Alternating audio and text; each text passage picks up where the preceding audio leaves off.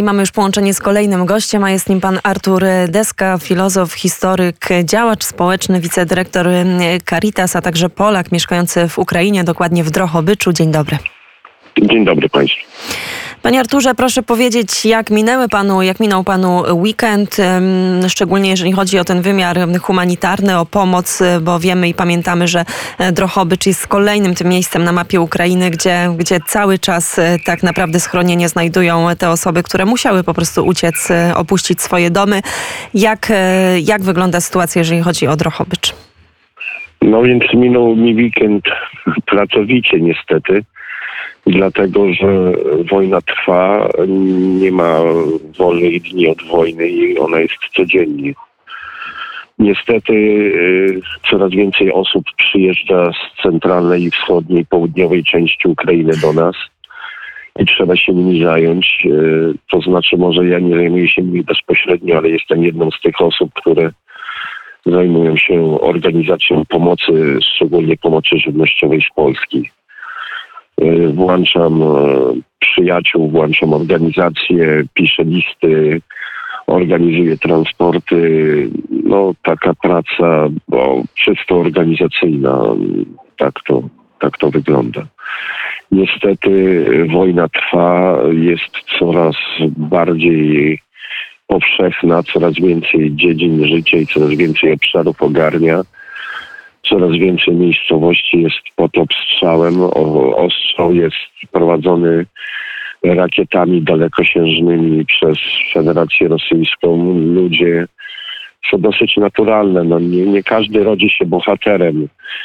Nie każdy jest w stanie wytrzymać z rodziną w miejscu, w jakiejś miejscowości, no powiedzmy Tarnopol, Dniepro, gdzie Mikołajów, gdzie padają rakiety, gdzie jest to strzał artyleryjski, mimo tego, że e, na razie nawet jest nawet tak jakby nie do tej pory incydentalny, to, to, to, ludzie uciekają, boją się. Oprócz tego e, z tych miejscowości, które już są rzeczywiście pod uderzeniem typu Mariupol, typu Berdiańsk, typu Mikołajów, typu Charkiów, e, są organizowane pociągi ewakuacyjne te pociągi ewakuacyjne zjeżdżają się w Lwowie. No i Lwów jest dużym miastem, ale ma o, o, o, ograniczone możliwości przyjęcia uchodźców. Oprócz tego przyjmuje tych uchodźców już więcej jak miesiąc.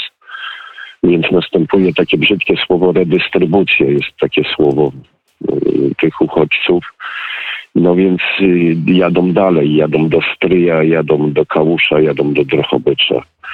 Tak wygląda sytuacja. No, no jest źle, jest źle, kochani, bo no wyobraźcie sobie rodzinę wyrwaną z korzeniami ze swojego miejsca zamieszkania, ze wszystkich realiów, wśród których ona żyje, z przedszkola, szkoły, miejsca pracy, yy, znajomych, przyjaciół, ulubionych miejsc nie mówię już o tym, że ta rodzina jest wyrwana też z miejsca, gdzie otrzymuje jakiś dochód. No, no jest źle, jest źle. Także potrzebna jest cały czas pomoc, potrzebne jest cały czas wsparcie.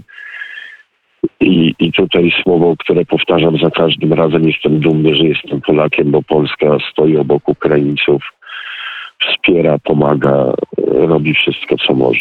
I Panie Arturze, jeszcze zaraz mm, o tej pomocy powiemy, ale musimy też mówić, musimy nagłaśniać te dowody zbrodni wojennych, chociaż o tym mówi się coraz y, trudniej. No to dziś Oj, kolejne informacje, odkrycie tak, tak, masowego grobu w pobliżu wsi Buzowa. Przyznaję się, że ja bardzo staram się o tym nie pamiętać. Ja wiem, że to jest taka ucieczka, to jest taki psychologiczny mechanizm, ale ale to jest straszne. Ja, ja, ja mieszkam w Ukrainie, więc dostęp do, do tych materiałów, do tych zdjęć mam o wiele prostszy i większy niż mieszkańcy e, e, całej reszty Europy i ja to widzę. I to są straszne zdjęcia. To, to są straszne zdjęcia, to są straszne zdjęcia, to są straszne filmy, to są straszne relacje Przepraszam, ja się staram nie rozpłakać. E, ja, ja bardzo przepraszam.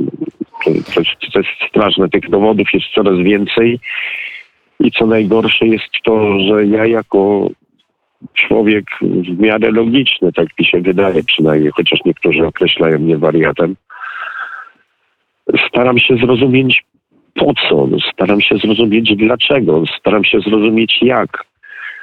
I, i, I ja nie znajduję odpowiedzi na te pytania po prostu. Nie znajduję odpowiedzi na te pytania. No, zgwałcić kilkuletnie dziecko, no, no ludzie kochani, Boże, nie, nie potrafię sobie tego wyobrazić, jak taka myśl może się w czyjejś głowie urodzić, tak? Czy ukraść stare trampki. Yy, no, no, no śmieszne, tak? Śmieszne, ale z drugiej strony straszne to jest straszne to jest. To prawda, bo te obrazy są straszne, ale w takim razie, panie Arturze, my nie będziemy zamęczać. Opowiedzmy jeszcze o tej pomocy, co jest najbardziej potrzebne, jeżeli mówimy o Drohobyczu. My tutaj też w Radiu Wnet cały czas... Żywność. Żywność w pierwszej kolejności. Jeśli mówimy o uchodźcach, tak? Dlatego, że jest jeszcze sprawa armii ukraińskiej, która też potrzebuje pomocy i to są różne piony tej armii ukraińskiej. Jest, e, są siły zbrojne, które są osobnym tematem.